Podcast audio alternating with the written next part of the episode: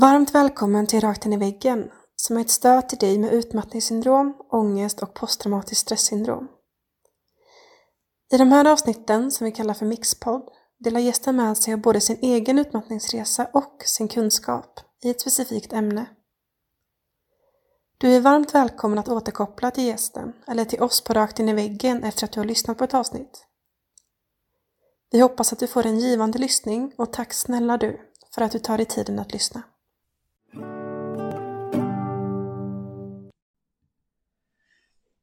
Hej!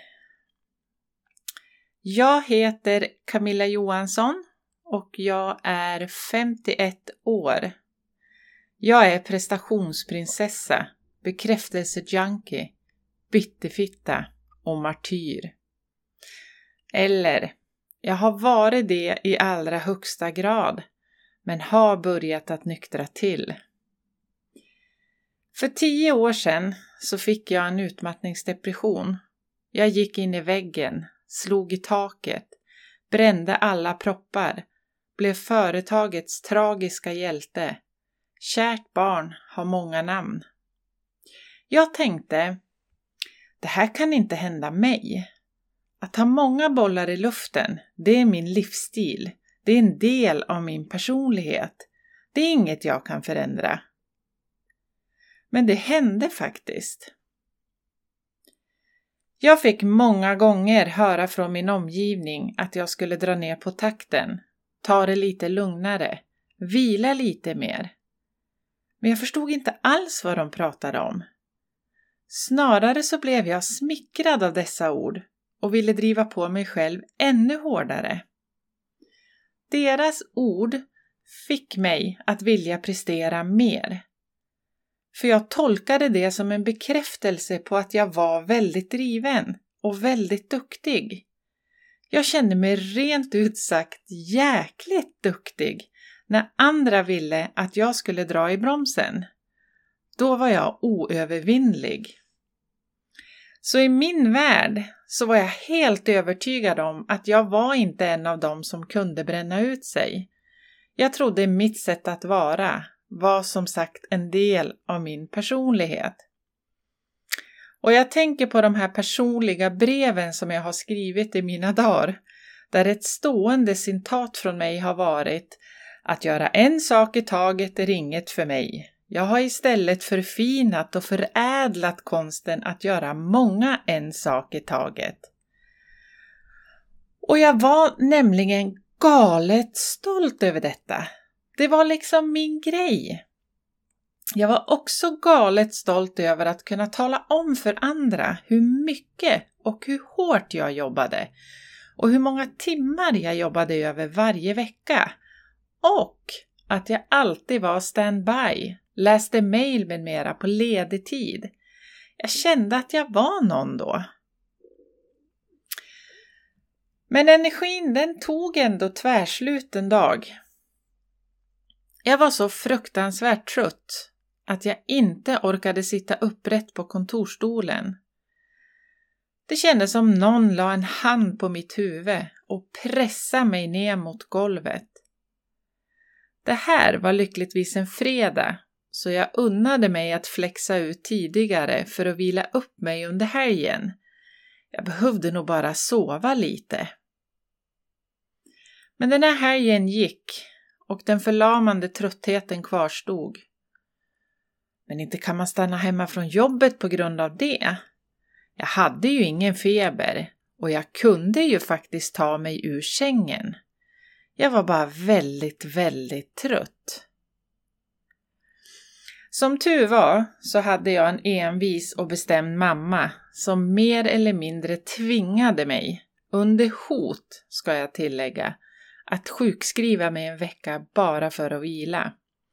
Och jag lyssnade faktiskt på henne, trots att det företag jag var anställd på säkert skulle gå under om inte jag fanns på plats.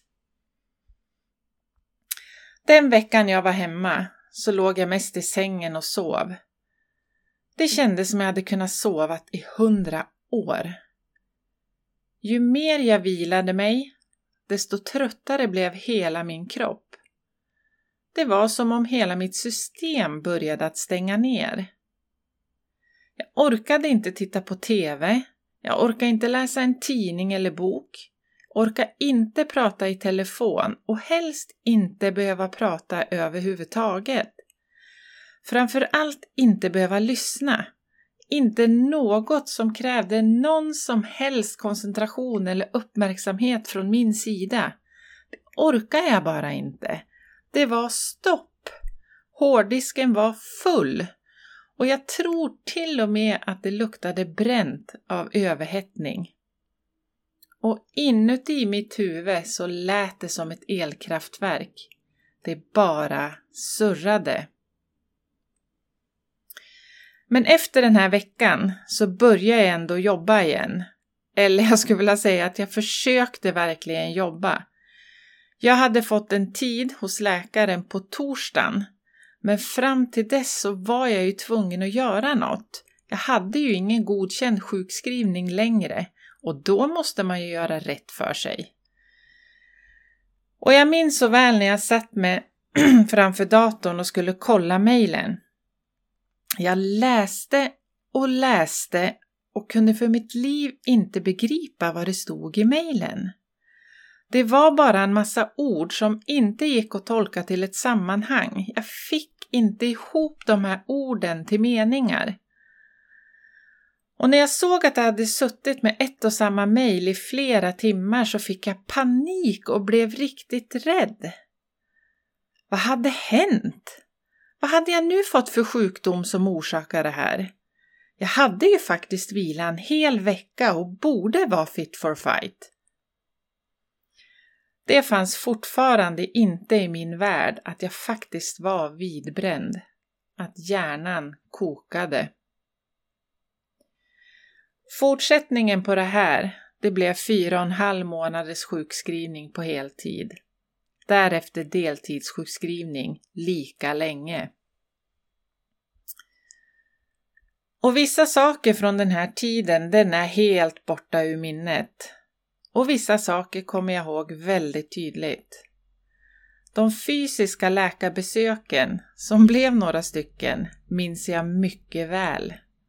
Inte vad som sades, utan mer hur jag upplevde dem. Under den här första veckan jag var hemma och vilade mig så ringde jag till hälsocentralen för att boka en tid för att kolla upp blodvärden eftersom jag var så trött. Då fick jag en telefontid med läkaren. Okej. Okay. Men hur sjutton ska jag kunna få hjälp via telefon? Jag behöver ju få ta prover och ta reda på varför jag är så trött. Eller varför jag bara blir tröttare och tröttare fastän jag vilar. Jag har säkert någon allvarlig brist på något. Eller någon sjukdom, kanske en hjärntumör. Jag fick i alla fall ett fysiskt möte med en läkare en vecka senare. Men då hade det redan gått fyra dagar in på en sjukskrivning som inte var godkänd. Och anledningen till att jag tar upp det här nu, det är att det var så jäkla jobbigt för en del av mig, prestationsprinsessan. Jag får oerhört illa av att inte göra rätt för mig. Jag provade att jobba på måndagen, men det ledde bara till stress och ångest. Och sen att vänta ända till torsdagen utan att göra något vettigt, det var något jag inte alls kunde hantera. Jag var inte kapabel till att ge mig själv tillåtelse att fortsätta vila, att vara sjukskriven, utan jag försökte verkligen pressa mig. Det här var något som pågick inom mig och som fullkomligen rev och slet itu mig. Och jag kan förklara det som att det fanns en del av mig som var så slut, så tömd och så urlakad, som var redo att ge upp och släppa taget och som verkligen ropade på hjälp. Och den andra delen prestationsprinsessan. Hon fightades med näbbar och klor för att hålla huvudet upprätt, fortsätta kämpa, fortsätta göra rätt för sig, fortsätta vara duktig. Jag minns att jag satt utanför väntrummet på hälsocentralen och var så oerhört trött att jag fick hålla huvudet vilandet i händerna. För jag orkar liksom inte hålla det upprätt utan stöd. Jag känner mig så fruktansvärt ensam, utlämnad och fylld av skam. Hela mitt system slog bakut inför tanken på att behöva berätta varför jag var där, vad jag sökte för. Orkade bara inte prata om det. Jag förstod ju inte ens själv vad som försiggick. Eller jag kunde nog helt enkelt inte erkänna för mig själv att jag inte orkade mer. Det kändes som jag stod med mussan i handen och blicken sänkt och skulle be om lov för att få något som jag egentligen inte var värd att få. Och jag visste också det, att ställer läkaren frågan Känner du att du vill sjukskriva dig ett tag? Då kommer jag att uppbåda min sista kraft och säga Nej, det behövs inte. Men mitt innersta, det vrålar Se mig, fånga upp mig, för jag sjunker. Men min prestationsprinsessa, hon säger Gud vad han eller hon ska tycka att jag är svag, vek, lat och arbetsskygg som inte vill jobba. Nej du, ta nu och bit ihop och ryck upp dig. Min läkare visade sig vara en ängel utan vingar. Hon var dessutom en tillfällig läkare just den här veckan. Hon jobbade annars på en stressmottagning i Stockholm. Hon tog direkt kommandot, ställde frågor utan att jag behövde leda samtalet, beställde provtagning och sjukskrev mig i två och en halv vecka till att börja med. Luften gick fullständigt ur mig. Hon hörde mitt innersta rop på hjälp. När jag fick min diagnos, utmattningsdepression, av läkaren så hade jag väldigt svårt att ta till mig detta. Mina funderingar var, hur kunde det här hända mig? Jag älskar ju verkligen mitt jobb och jag var ju riktigt duktig på det också. Vad besvikna mina kollegor ska bli på mig när jag inte ens orkar med ett vanligt jobb. Och vad ska min chef säga? Kommer jag någonsin att få förtroendet att komma tillbaka? Jag hade ett år tidigare blivit tilldelad en position i företaget som innebar ett stort ansvar och att jag fungerade som ett ansikte utåt för företaget. Och det kunde jag minsann inte klara av, tänkte jag. Jag kände mig helt enkelt misslyckad som inte klarade av att få ihop livspusslet. Alla andra lyckas ju med det. Jag kände mig misslyckad för att inte kunna vara en aktiv och drivande arbetskollega. Och jag kände mig misslyckad för att jag inte orkade vara en närvarande, kärleksfull och glad mamma. Jag kände mig misslyckad för att jag var en passiv partner och jag kände mig misslyckad för att jag var en frånvarande dotter och vän. Svag, vek, värdelös och återigen misslyckad. En egen reflektion från den här tiden, det är att man verkligen behöver vara frisk för att klara av att bli sjuk om man inte har hjälp och stöd från sin omgivning.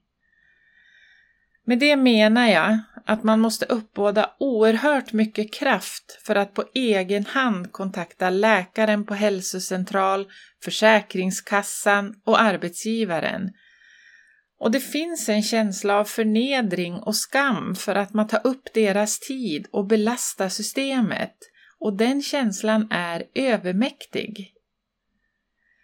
Jag vet idag att det här var något som pågick inom mig. Det satt i min kostym. Och som jag sa tidigare så är det som att gå med mussan i nävarna, blicken sänkt och be om ursäkt för att man tar upp människors tid Be om lov för att få lite andrum som man egentligen inte förtjänar. Och att sen bli sjukskriven i korta omgångar, en till två veckor per tillfälle, det tar mycket energi som egentligen borde användas för återhämtning. Ny kontakt, nytt ställningstagande och många gånger en ny läkare att dra hela händelseförloppet för.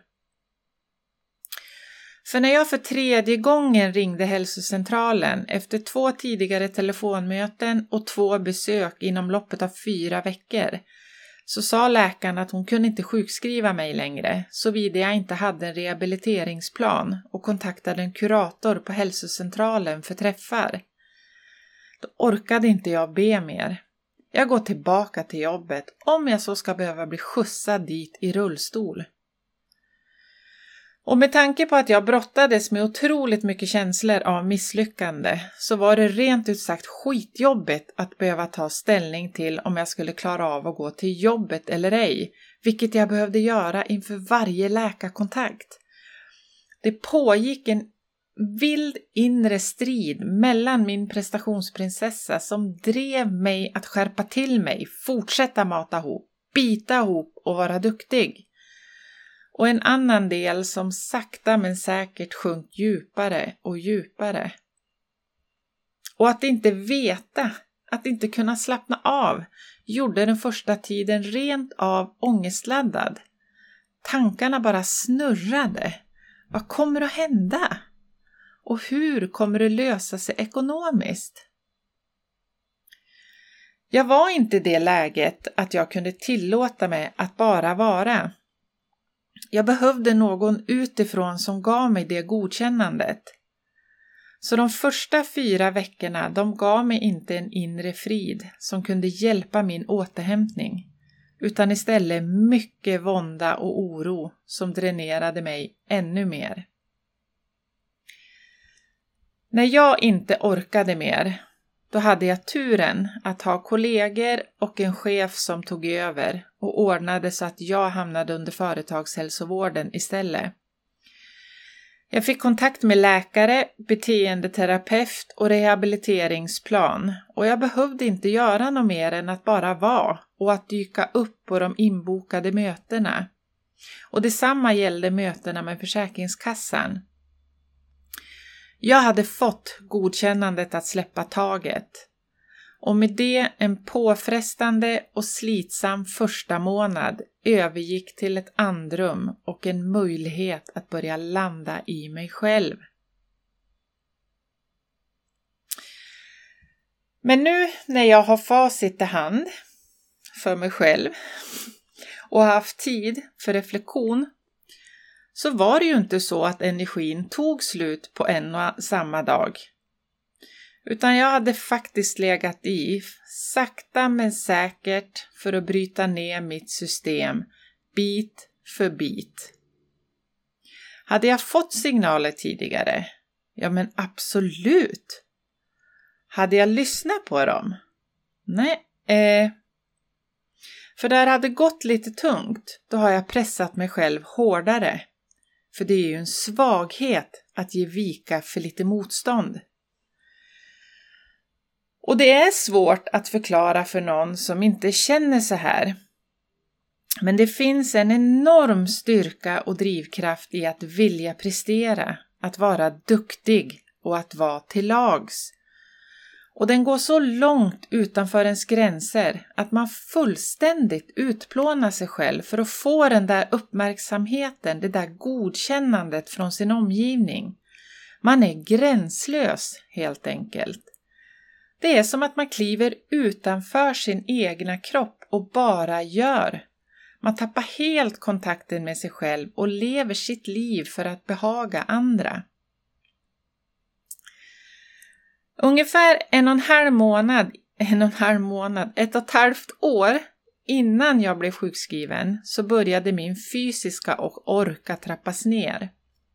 Jag löptränade mycket, men det gick bara tyngre och tyngre med löppassen.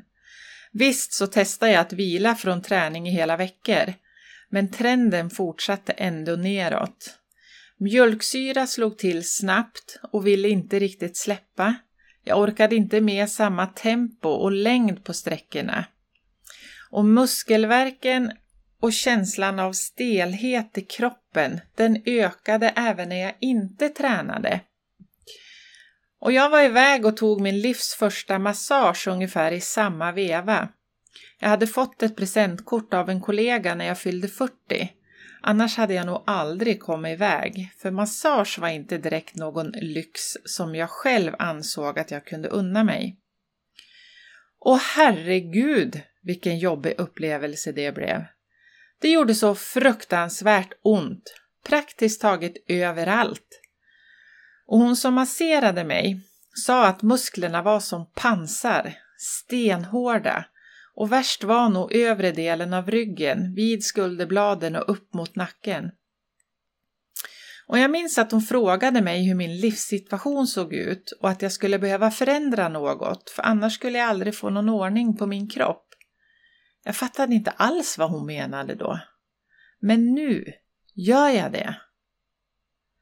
Att min man fick komma och lösa ut mig från ICA vid ett tillfälle då jag hade lyckats spärra varenda kontokort vi hade med felaktiga koder fick mig heller inte att reagera. Jag tror att det logiska tänkandet försvann, vilket det tenderade att göra många gånger.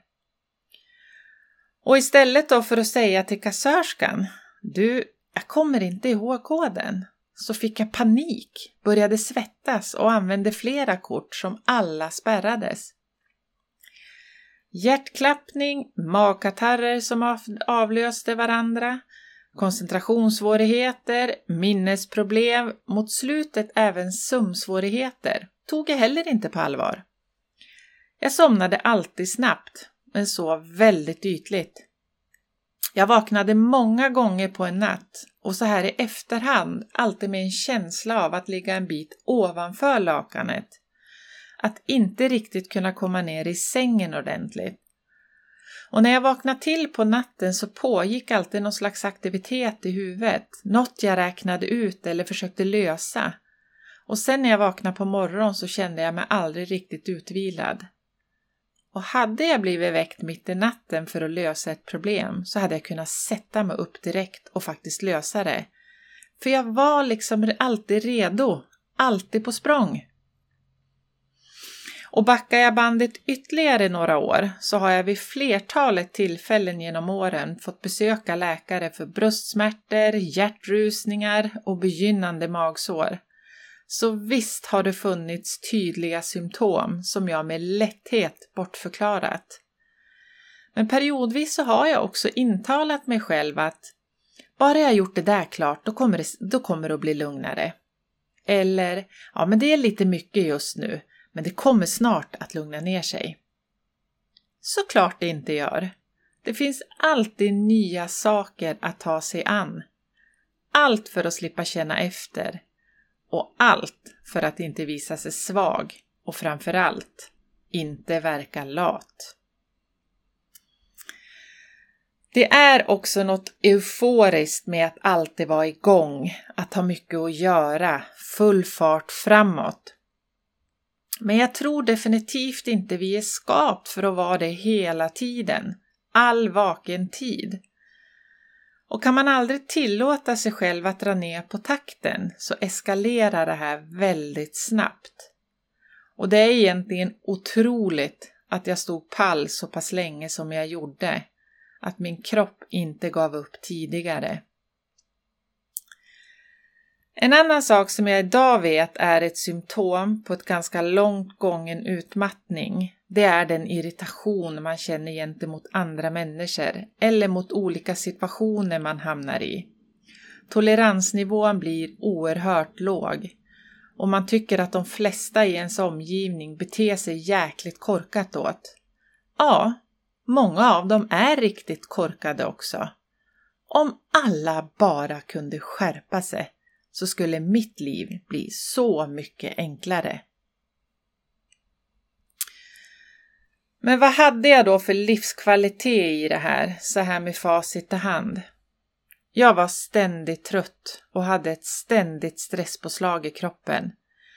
Lite som att gå med en ihärdig bakfylla, liksom mosig och alltid redo för strid. Vad jag än hittade på så kan jag enbart minnas hur ofantligt trött och nedstämd jag var och vilket uselt tålamod jag hade trots att jag gjorde saker som egentligen borde ge mig energi, så fick det motsatt effekt på mig. Det dränerade mig ännu mer. Det går nog att räkna på en hand hur många gånger jag genuint skrattade på en månad. Och ändå gick jag och intalade mig själv att allt var bra. Att jag hade ett toppenliv. Att det var bara att kämpa på. Jag visste inget annat. Jag förstod inte att det fanns andra sätt att leva på. Mitt huvud, det var ständigt igång och planerade, räknade ut, löste saker. Var jag inte dåtiden och hämtade gammal information och ältade det som varit, så var jag i framtiden och planerade den minutiöst hur den skulle bli. Och när jag har nått ett mål så stannar jag aldrig upp och reflekterade, utan strax innan jag var där höll jag redan på och planerade nästa steg. Jag kan ärligt inte minnas när jag bara var här och nu. Och jag tror aldrig att jag någonsin stannade upp och tillät mig njuta av någonting. Men hur kan det då bli så här?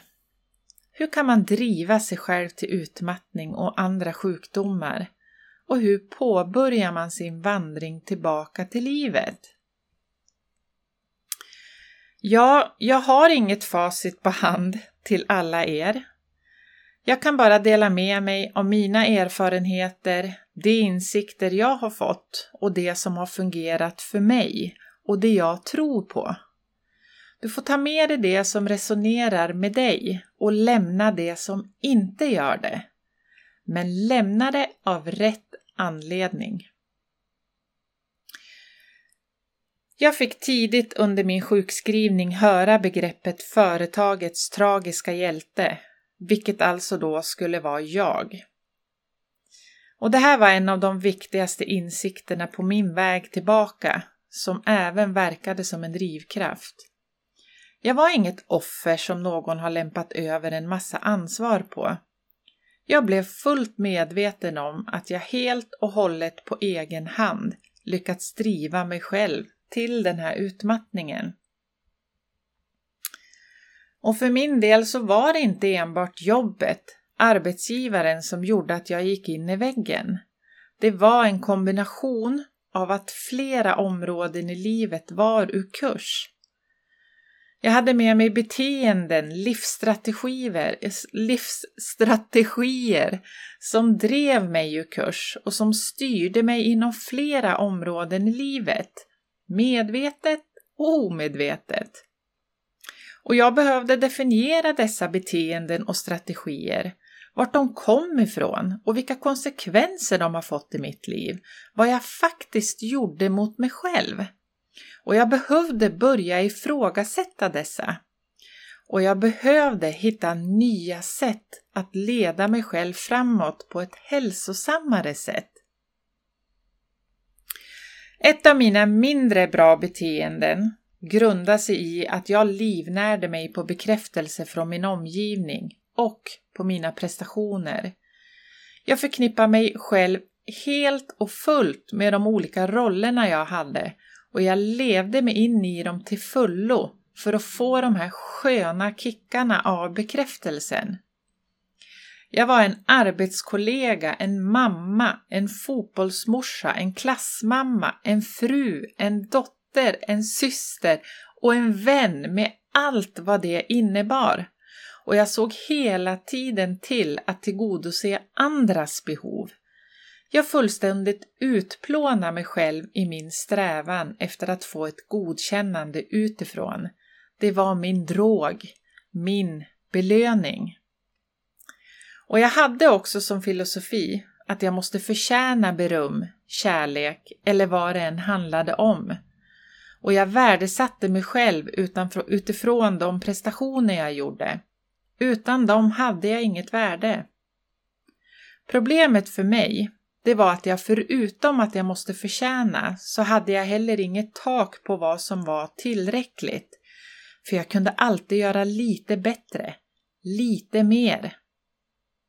Ja, ni förstår säkert själva vilken jakt detta blev. Snacka om att aldrig kunna känna sig tillräcklig. Så mina prestationer inskränktes inte bara till yrkeslivet utan innefattade exakt allt jag gjorde.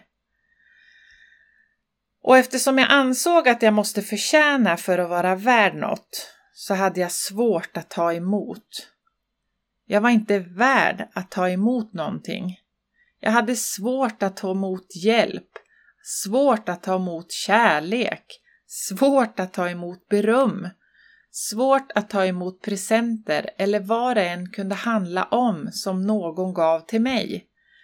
Och när jag motvilligt tog emot något så kände jag att jag behövde ge minst det dubbla tillbaka. Och för att inte tala om då vad jag gav till mig själv. Noll!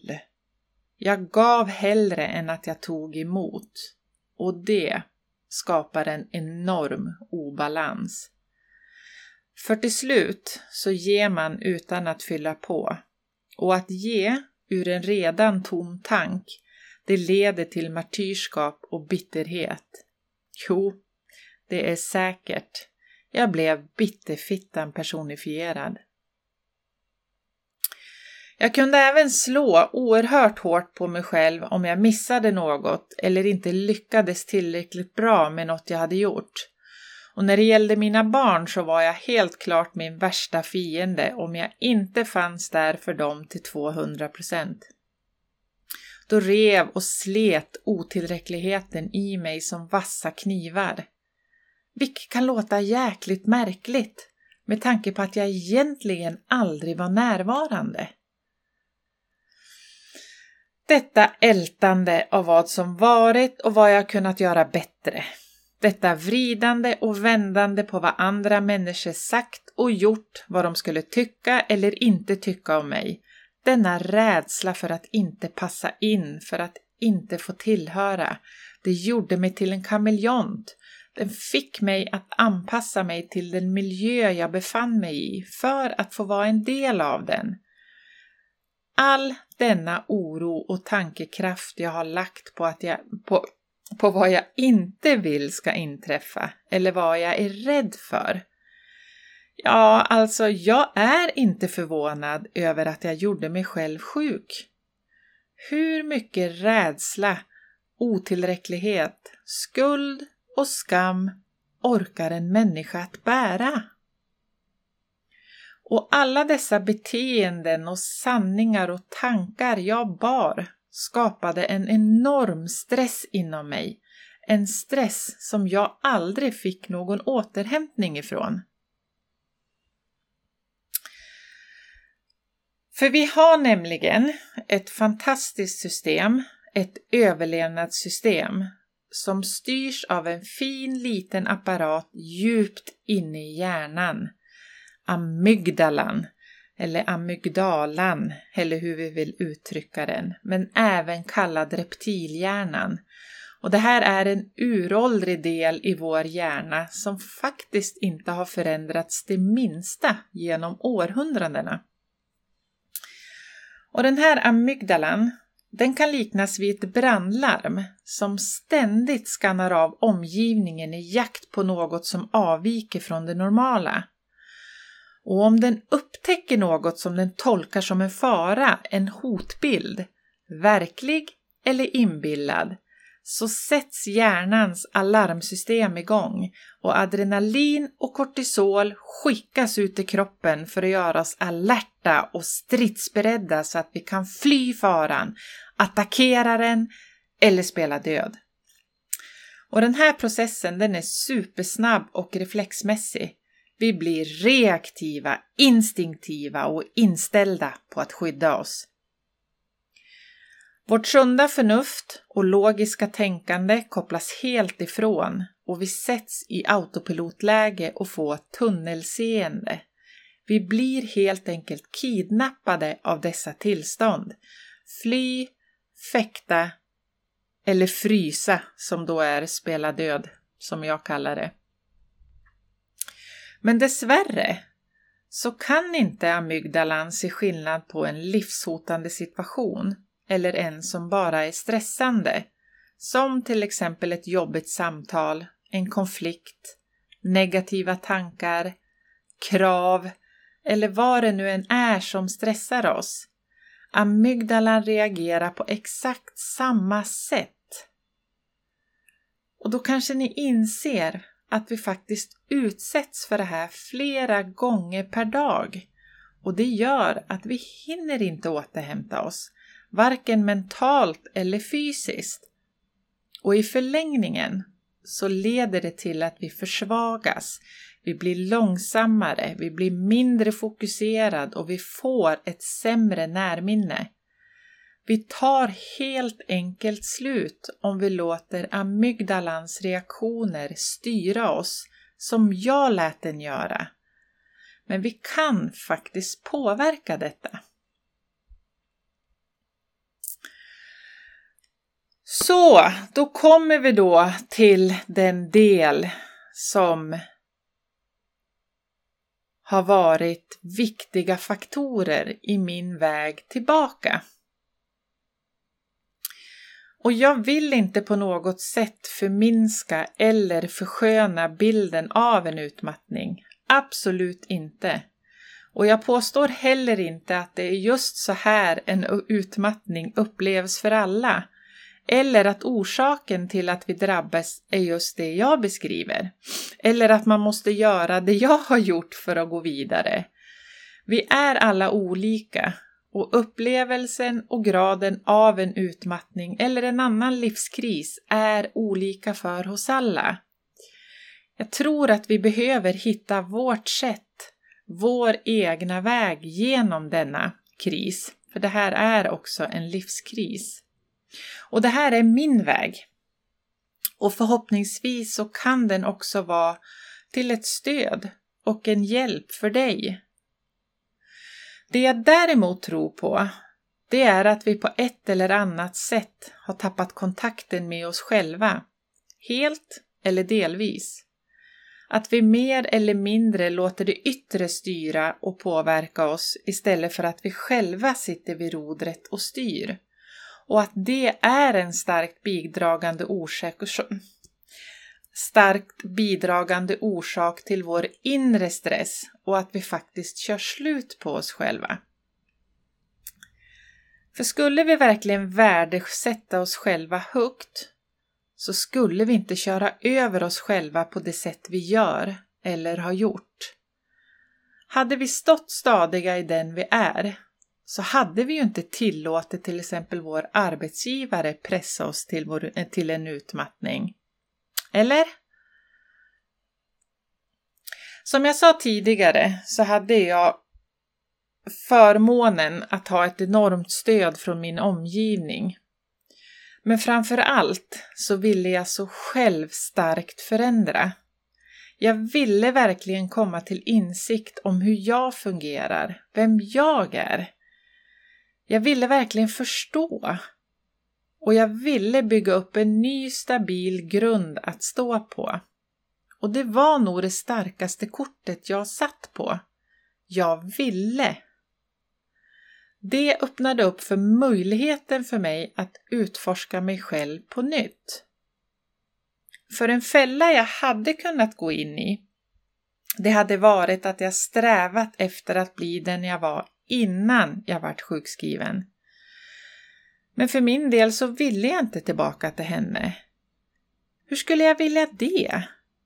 Gå tillbaka till en person som faktiskt drev sig själv till att bli sjuk, som var obarmhärtig hårt mot sig själv. Nej, jag riktade istället en nyfikenhet till den jag skulle kunna komma att bli. Hon som redan fanns inom mig men som jag inte gett någon access till innan.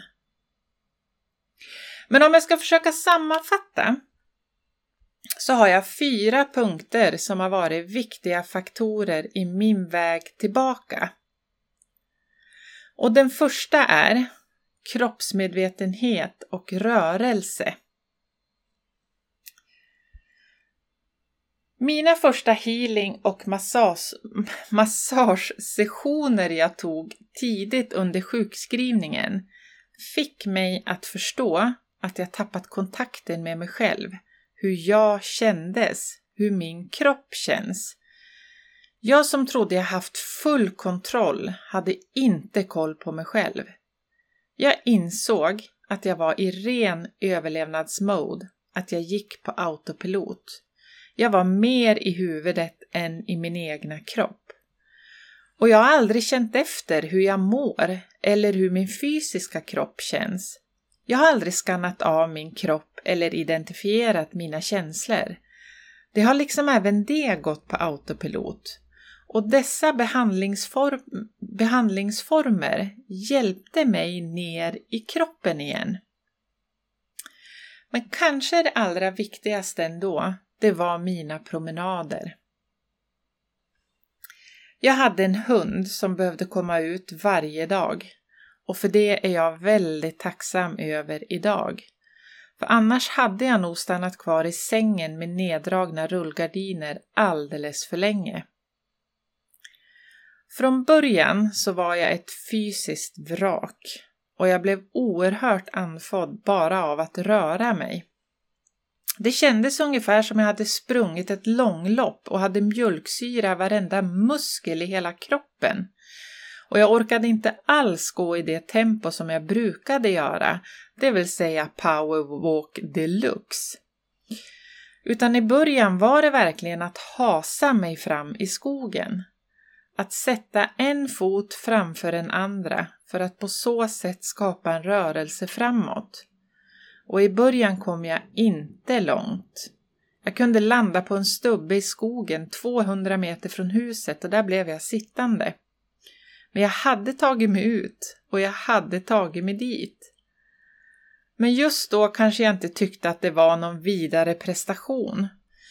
Jag tror också då att jag bara släppte taget. Jag orkade inte längre strida mot prestationsprinsessan.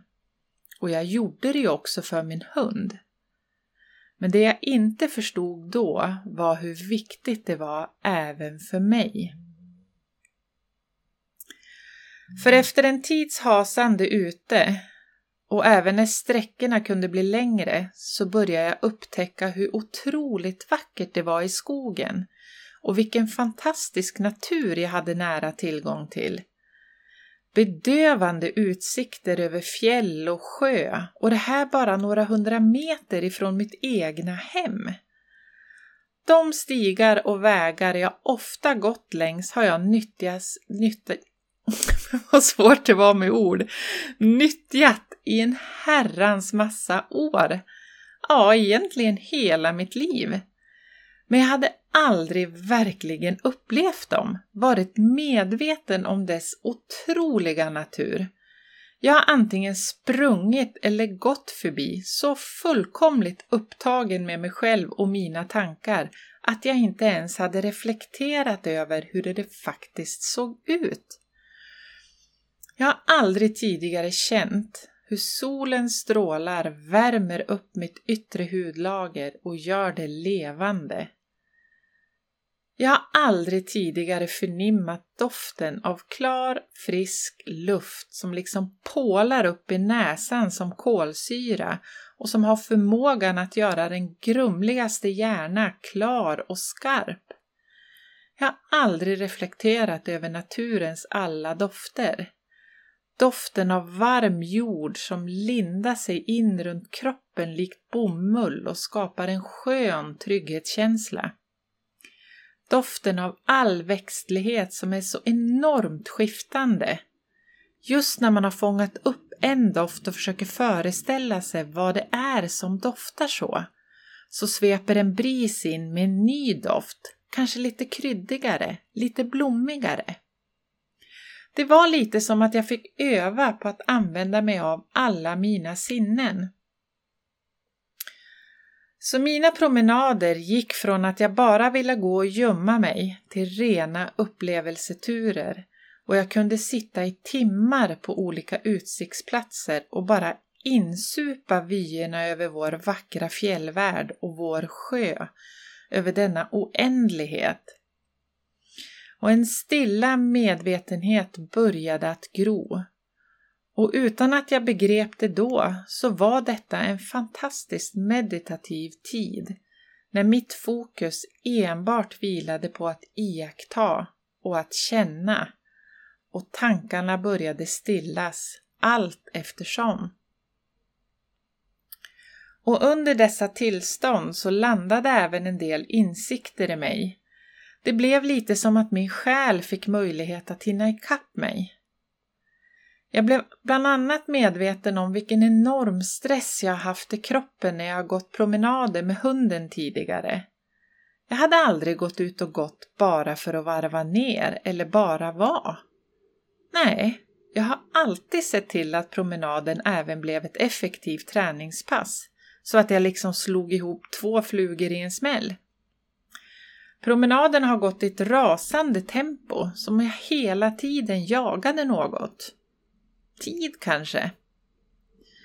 Och det är en enorm skillnad att promenera i avslappningssyfte jämfört med detta tillstånd när man jagar något. Det slår, det slår an helt andra strängar i kroppen när det är press inkopplat än när det är i ren avslappning. Och för min del var syftet med mina tidigare runder att prestera, ett måste och en jakt på något. Men när jag blev tvungen att ge upp denna jakt så skapas ett utrymme för något helt annat. Något så mycket hälsosammare och mer läkande. Så att jobba med sin kroppsmedvetenhet, att vara närvarande och hitta en form av rörelse är viktigt för oss. Och med kroppsmedvetenheten så kan vi även börja lära oss att tyda de olika signalerna kroppen skickar till oss, till exempel när det blir stress istället för avslappning. Och det är också något som inte behöver kosta oss något mer än vår tid. Det finns en uppsjö av olika övningar, meditationer, mindfulness, andningstekniker, kroppsskanning, yoga. Det, eh, helt gratis på internet att ladda ner eller lyssna på, så det behöver alltså inte vara massage eller healing. Och att vara ute i naturen kostar heller inte något. Och herregud så läkande det är. Välj en form som passar dig och se till att göra det en stund varje dag. Jag törs lova dig att du kommer att få utdelning. Mm. Det var första.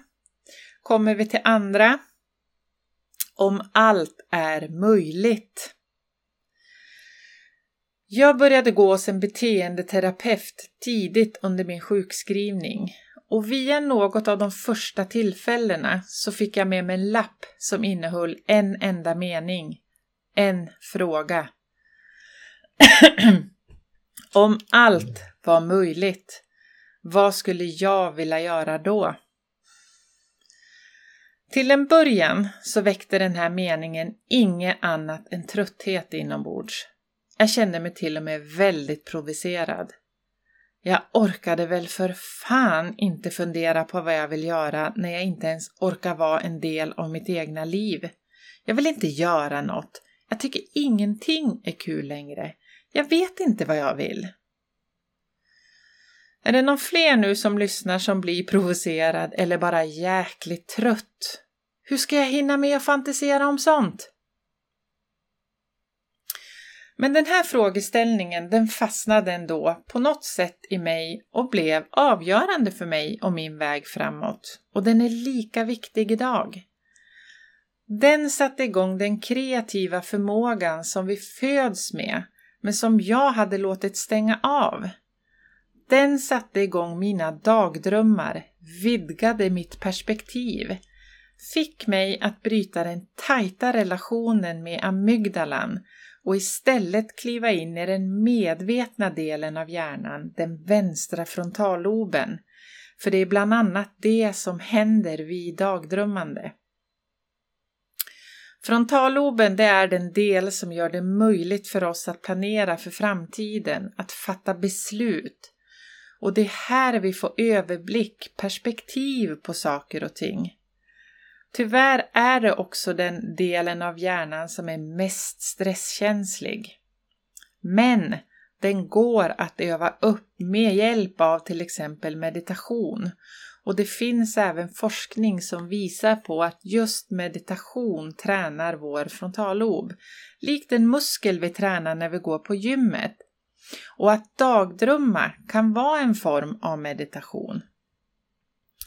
Så bara känn lite på den hörni. Om allt är möjligt, vad skulle du göra då? Du får verkligen fantisera helt fritt. Eller, om du visste att din tid var väldigt begränsad, med vad skulle du fylla dina dagar då? Och vad hindrar dig nu? Jag hade kommit till den insikten att den livsstil jag hittills haft inte varit så lyckad. Jag insåg också att jag kunde inte skylla min utmattning på någon annan än mig själv. Jag hade lyckats driva mig själv till att bli sjuk. Men med denna frågeställning och med denna insikt så insåg jag att om jag hade drivit mig själv till att bli sjuk så borde jag ju även hitta nya sätt till att verkligen må bra på riktigt. Jag kan alltså göra någonting åt det här. Jag kan påverka min egna situation. Och vilken enorm frihetskänsla det blev i den insikten. Så jag vill skicka med den här frågan, övningen, att börja utforska och nyfiket leka med den. Om allt vore möjligt, vad skulle du vilja göra då? Vem skulle du vilja vara? Hur skulle du vilja att ditt liv ser ut? Hur vill du må? Hur vill du känna dig varje morgon du kliver upp ur sängen? Hur vill du bo? Vilka människor vill du omge dig med? Och hur vill du att dina relationer ska se ut? Vad skulle du vilja göra? Vad vill du jobba med? Och vad längtar du efter? Ha en anteckningsbok. Skriv ner allt som ploppar upp. Det finns inget rätt eller fel. Strunta i begränsningar som pengar, för gammal, att du inte har det som krävs, en flytt eller annat. Om allt är möjligt. Vill du föreläsa, bli en artist, jobba med något helt annat, inte jobba alls, byta gubba eller gubbe eller gumma eller leva ensam, bara ner med det på papper. Vill du bo för dig själv på en fjälltopp eller ute på en skärgårdsö? Vill du ha mer egen tid?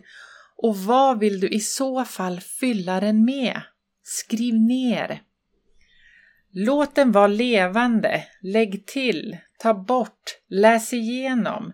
Ju mer du jobbar med detta, desto mer kommer du hitta saker som är viktiga för dig, som skapar en meningsfullhet, som väcker en inre längtan.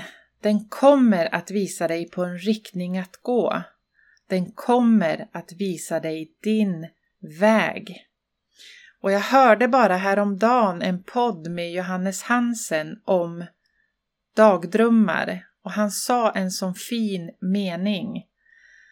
Drömmar är sättet, nej, drömmar är sättet du uttrycker den du är. Det är dina drömmar. De är fria och ingen kan säga om de är rätt eller fel. Det är bara du som vet vad du verkligen vill här inne i hjärtat. Och att sätta fart på vår kreativitet, att dagdrömma, det höjer även vår energi, vårt sinnestillstånd, vårt mentala tillstånd. Vi börjar se möjligheter istället för problem.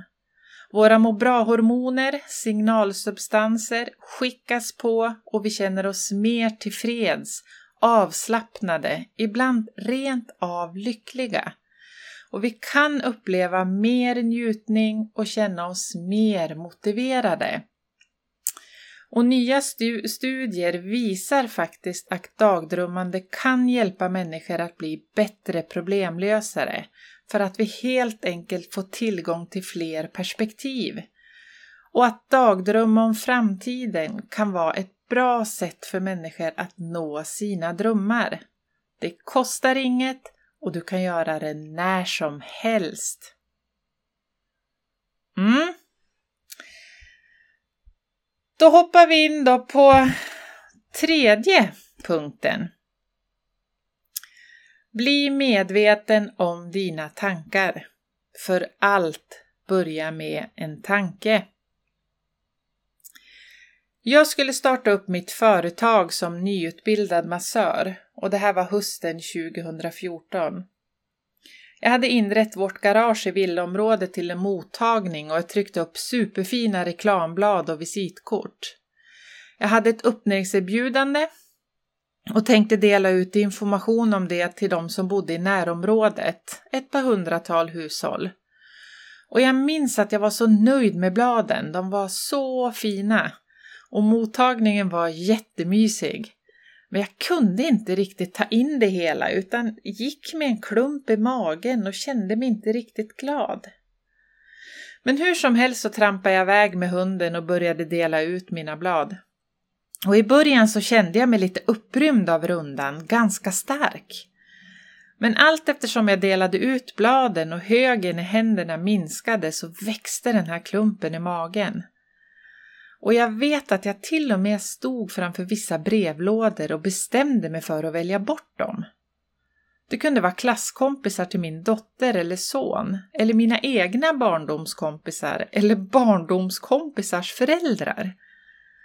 Och när jag var klar med det här och kom hem, då hade den här klumpen i magen vuxit sig jättestor.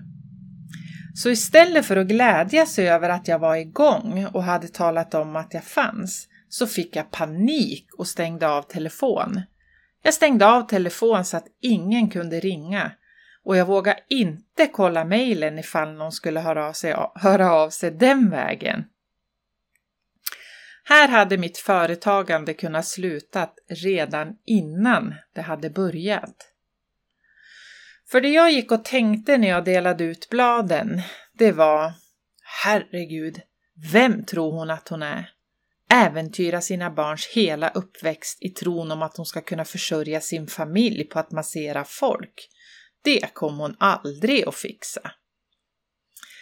Och när jag kom hem sen och stängde av telefonen det var för att jag var livrädd för att någon skulle komma och att de skulle få rätt. Att jag var en bluff.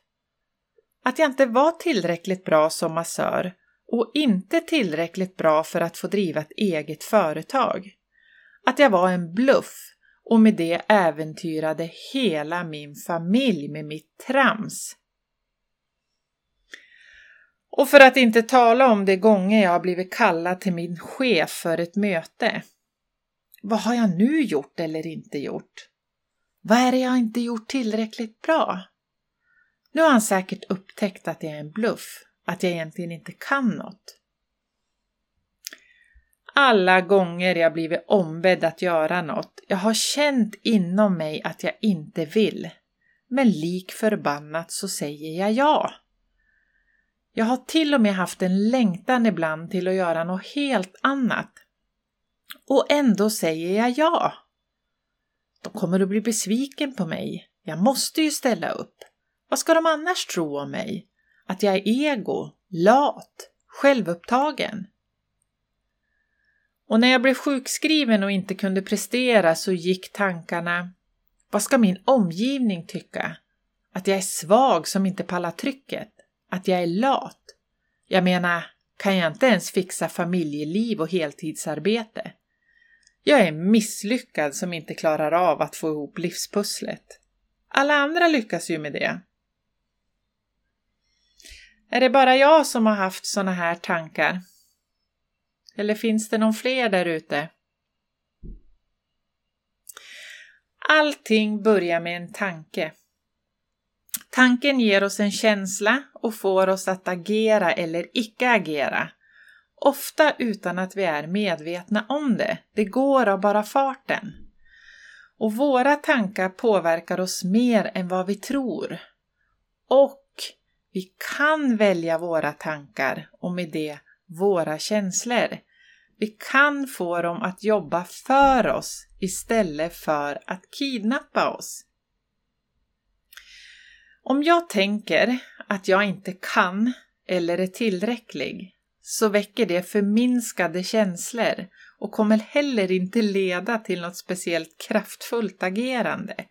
Kanske inget agerande alls, utan ett undvikande. Eller? Och vi tänker tusentals tankar varje dag. 90 procent av dessa är samma som igår. Och de här tankarna, de blir en inre dialog som bara maler på inom oss och de har många gånger sin rot ifrån vår uppväxt, uppfostran och tidigare erfarenheter. Även starkt kopplat till det negativa vi har fått erfara. Så mina tankar, min inre dialog har varit väldigt negativ och nedtryckande, rent av piskande. Och allt detta tänkande har inte gett mig något annat än låg självkänsla, låg energi och kraftlöshet.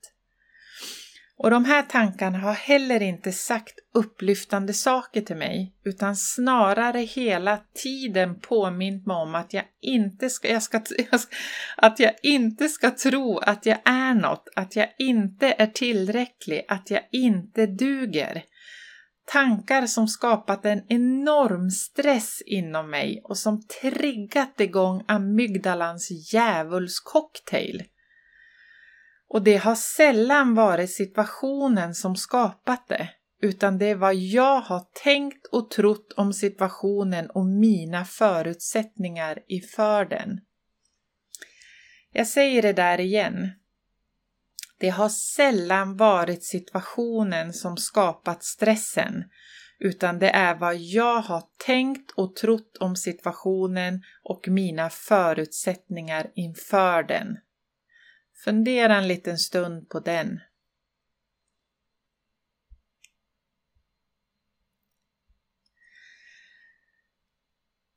Medicinsk och psykologisk forskning har visat att våra tankemönster kan vara skillnaden mellan hälsa och sjukdom, framgång och motgång. Vi blir det vi tänker. Men det coola i det här, det är att vi kan lära oss att tänka om. Det funkar! Men för att göra det så behöver vi identifiera vad det är vi går och tror om oss själva och våra förutsättningar. Sen börja ifrågasätta dem. Är det ens sant, det du går och tänker? Jämförelse med vad då? Sedan att vi stegvis börjar ersätta de negativa tankarna om oss själva med stärkande tankar. Det låter jäkligt klyschigt, jag vet. Och det är ju inte så lätt tänker du säkert nu. Nej, det stämmer, för då hade vi redan gjort det. Men det är fullt möjligt.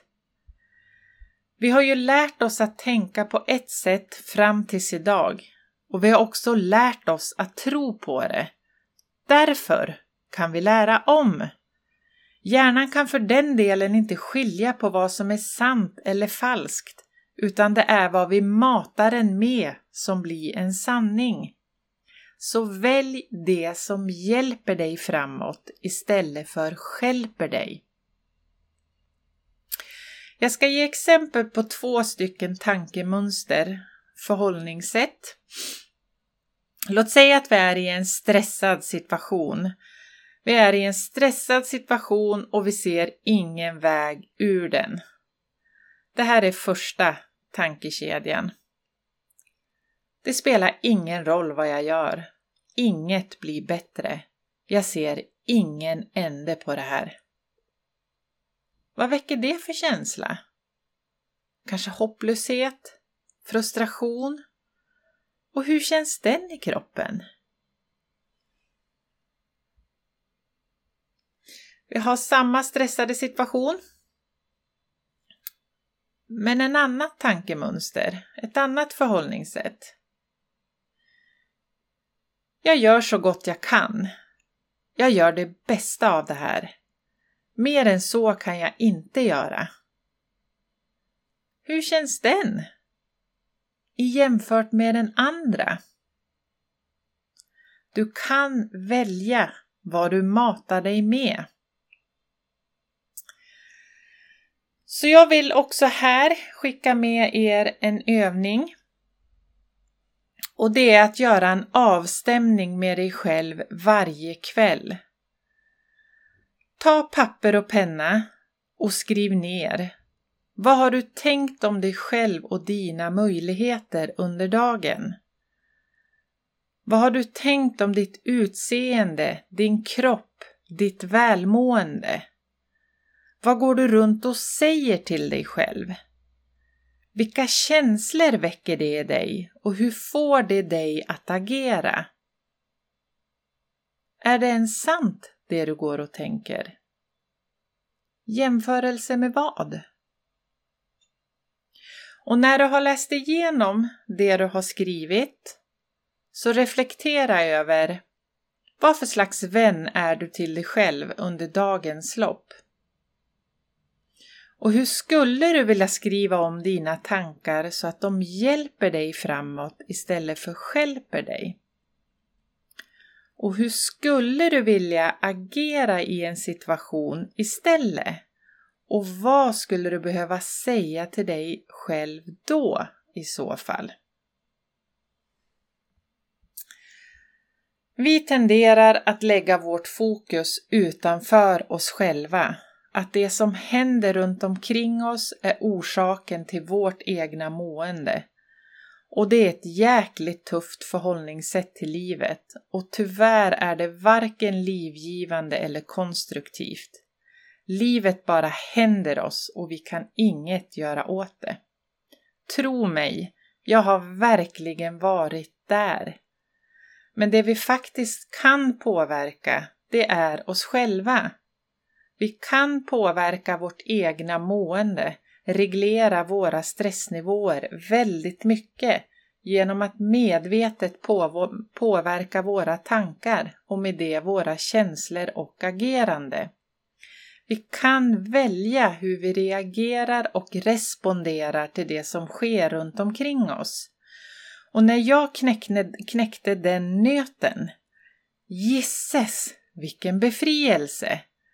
En känsla av att det var faktiskt jag själv som satt vid rodret och styrde. Jag kunde välja och jag var fri att göra det.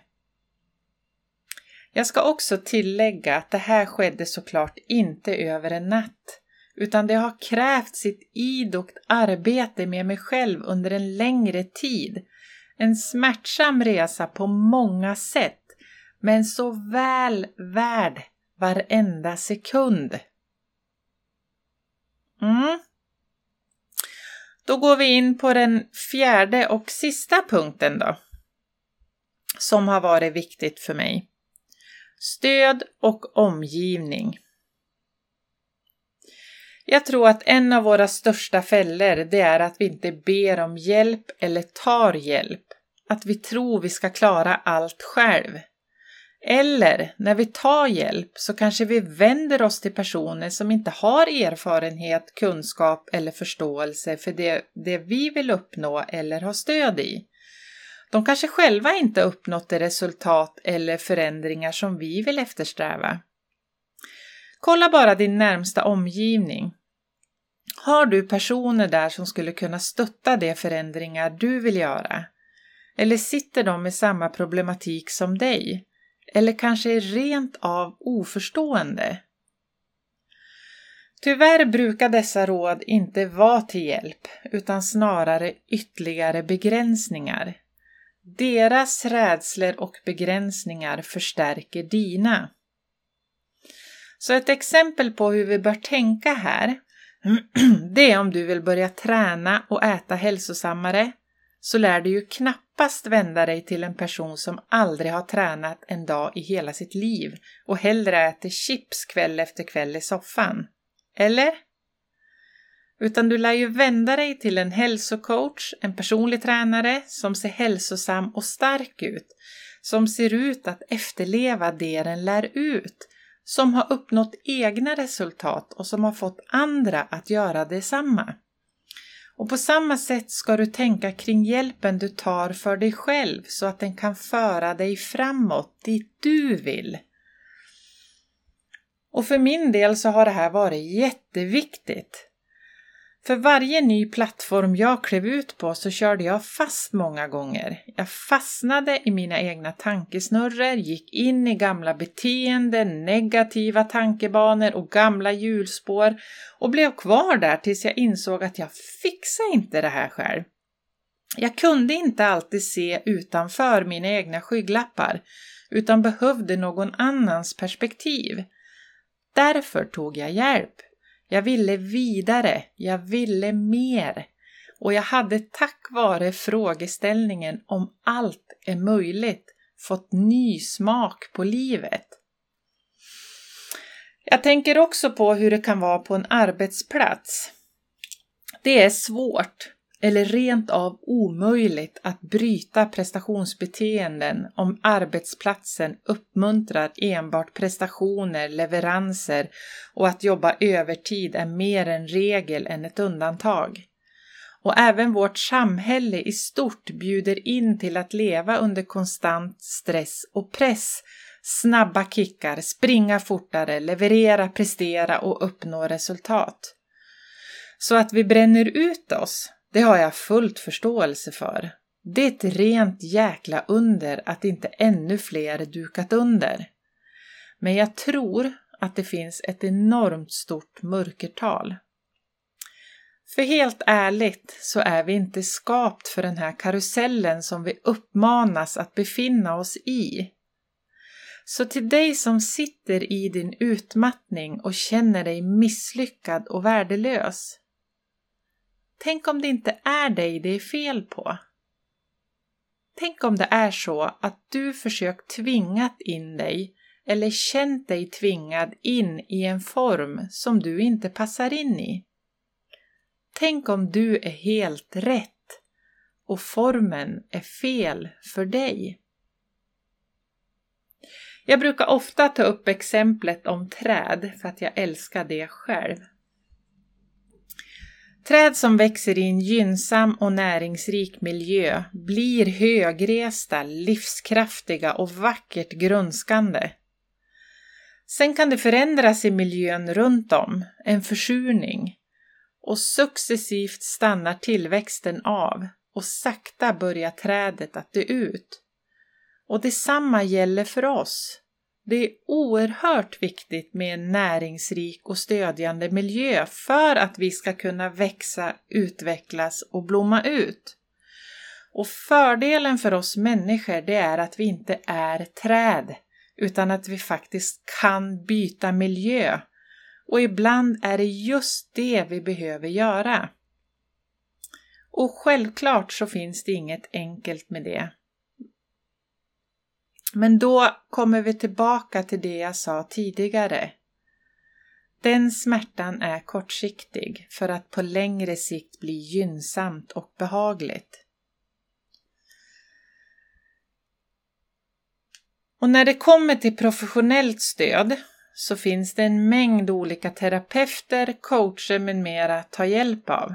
Jag har själv gått på KBT hos coacher, jag har haft en mentor jag har tagit hypnoterapi, jag har gått hos massörer och healers. Och jag har även gått kurser och utbildningar inom områden som intresserade mig och där jag träffat på nya likasinnade människor som också blivit nära vänner och viktigt stöd för mig framåt. Jag har gått på inspirerande föreläsningar och workshops och allt det här kostar såklart pengar. Men jag har också tagit till mig det som inte kostar mig annat än min egna tid. Jag har lyssnat på mycket böcker som jag lånar på biblioteket. Jag har lyssnat på inspirerande klipp på Youtube, på poddar. Jag har gått med i olika grupper, nätverk på Facebook. Allt för att mata mig med det som stärker mig och min tro, som stärker mina drömmar och det jag vill. Och självklart har jag inte gjort allt på en och samma gång. Utan jag började med en sak som sen fick växa sig vidare och följa de behov jag hade för stunden och de behov som utvecklades med tiden. Men jag såg hela tiden till att aktivt ta tag i det, att aktivt fortsätta leda mig själv framåt.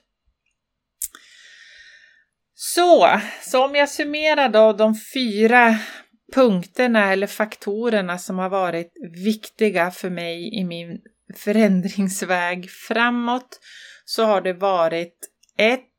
Kroppsmedvetenhet och rörelse. 2. Om allt är möjligt. 3. Bli medveten om dina tankar. Och det fjärde, stöd och omgivning. Men vad hände då sen efter sjukskrivningen?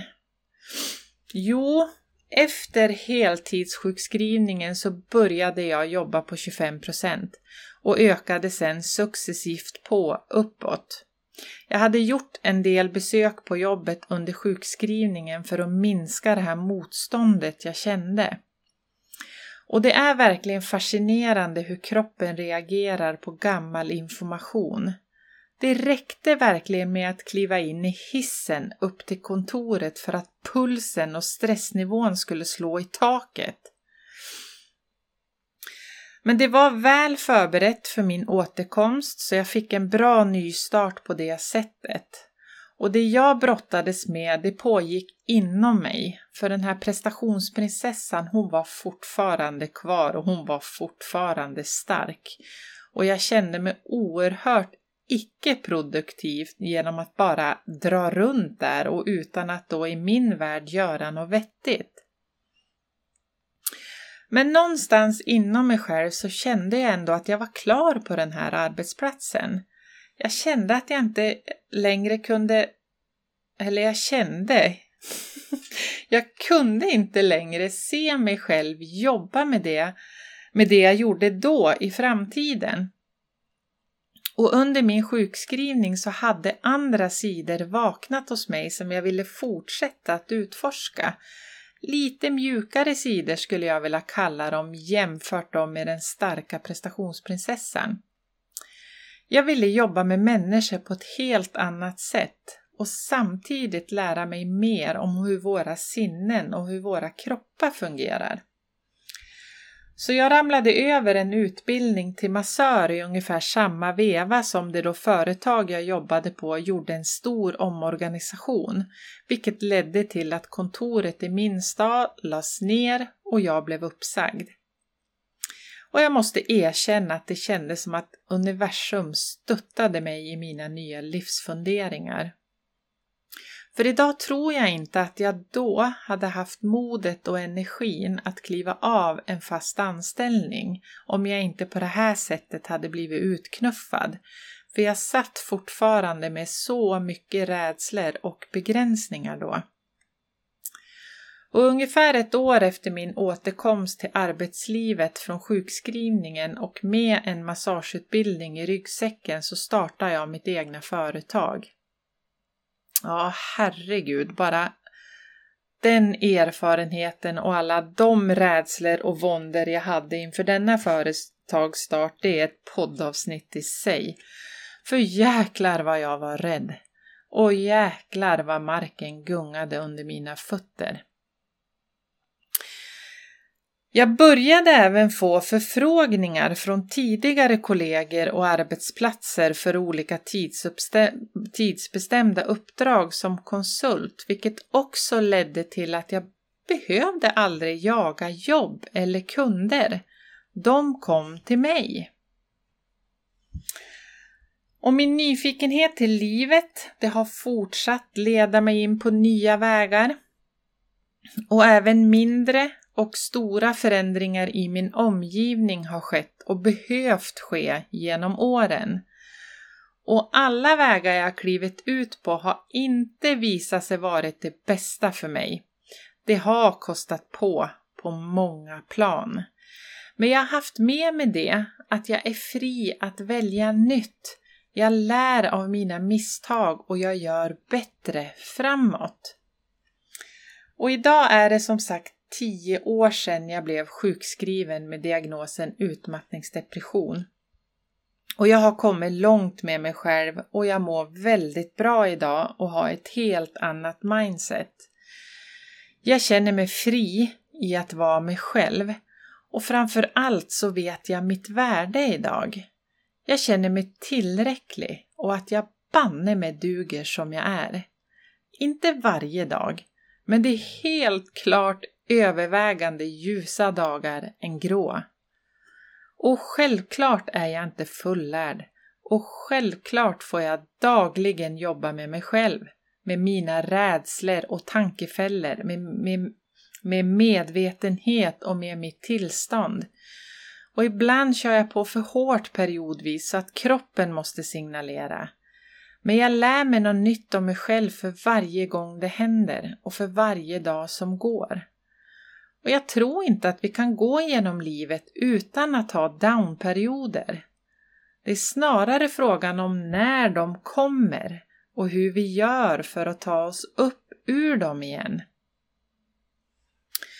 Och nu låter det säkert som att jag hanterar allt jag ställs inför väldigt klokt och medvetet och så är det såklart inte.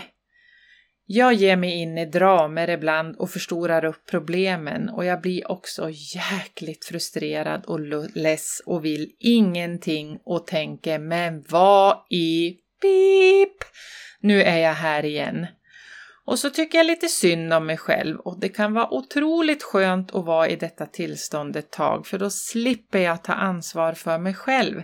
Då kan jag bara få vältra mig själv i självumkan en stund och tänka att det är ingen som förstår mig. Men sen kränger jag av med den där koftan igen och tar nya tag, för jag vet att jag kommer inte komma ur detta om inte jag gör någonting åt det. Jag har också lärt mig att när jag faktiskt är trött så ska jag inte ta fasta på de negativa tankarna, irritationen och ilskan som kommer upp. Jag ska heller inte ta några beslut då, för jag har nämligen en förmåga att skapa problem för mig själv när jag är trött.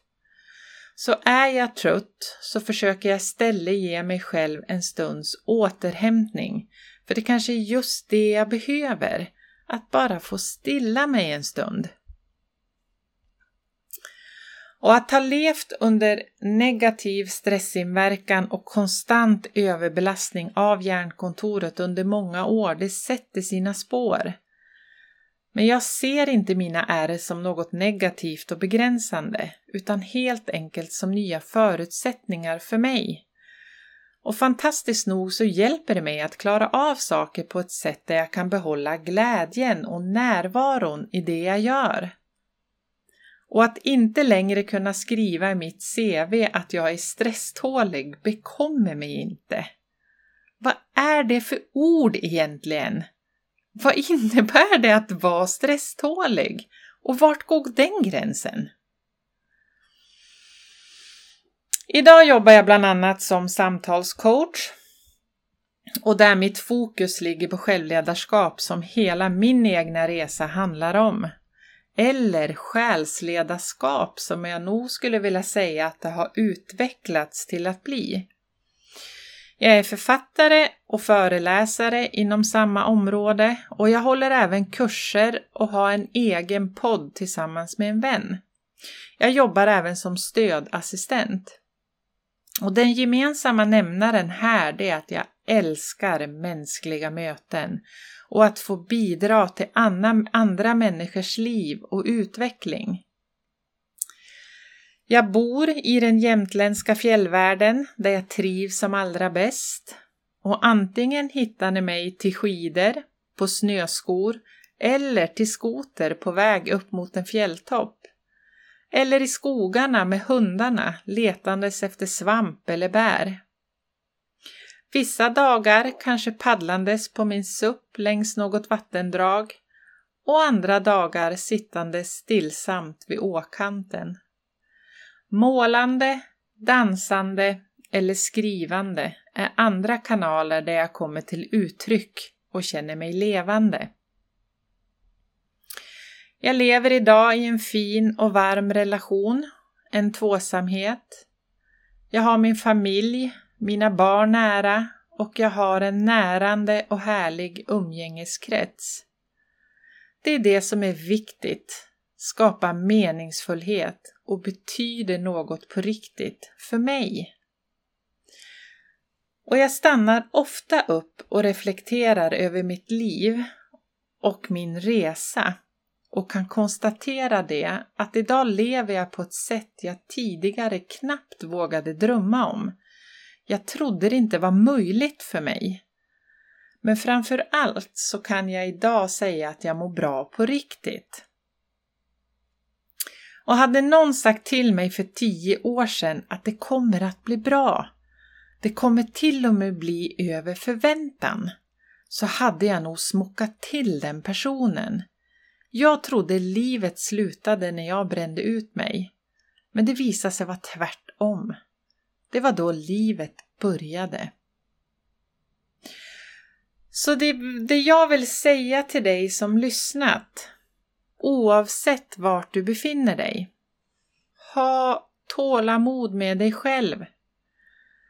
Slå inte på dig om du faller ner i en grop, går in i gamla hjulspår. Se det snarare som en möjlighet att justera lite i kompassen. En möjlighet att lära. Stanna ofta upp och se de steg du har tagit och ge dig själv en klapp på axeln för det.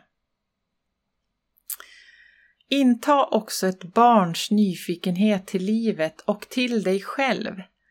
Tillåt dig utforska det på nytt. Som att du och livet är ett oskrivet blad. Hur vill du forma raderna på det bladet? Hur vill du börja? Och slutligen, vårt grundtillstånd, det är att känna tillfredsställelse, välmående, lugn, trygg, glädje och kärlek. Det är vår kompass i livet. Det är det vi ska följa. När vi frångår det tillståndet så är det information till oss. Det är något vi behöver justera, se och förstå. Så håll fokus på ditt inre, hur du känns och hur du mår. Det är något du faktiskt kan påverka och låt det leda dig framåt. Tusen tack för att ni har lyssnat. Ta hand om er. Hej då! Det jag har delat med mig av idag i denna podd det är ett axplock från min bok Frihet att vara jag. Och blir du nyfiken att höra mer så finns boken som ljudbok på Storytel, Bookbeat och Nextory. Även som tryckt bok på Adlibris, CD-ON, Bokus och Akademibokhandeln. Och det går även att beställa ett signerad ex direkt via mig. Vill du komma i kontakt med mig, se vilka tjänster jag erbjuder eller skicka ett mejl med frågor så finner du kontaktuppgifter till mig på www.camillanj.com. Och jag finns även på sociala medier, Frihet att vara jag, Camilla Johansson. Jag har även en podd tillsammans med min vän Malina där vi har samtal om livet och denna hittar ni på bland annat Spotify. Samtalsbyrån heter podden. Jag hoppas att vi ses eller hörs. Kram på dig! Vill du också medverka i Rakt in i väggens podcast? Besök vår hemsida för mer information på www.raktinivaggen.com medverkan. Om du vill tipsa oss om en poddgäst eller om du har en fråga eller synpunkt på det vi gör kan du alltid mejla oss på podcast raktinivaggen.com för att få svar. Tack för att du lyssnar.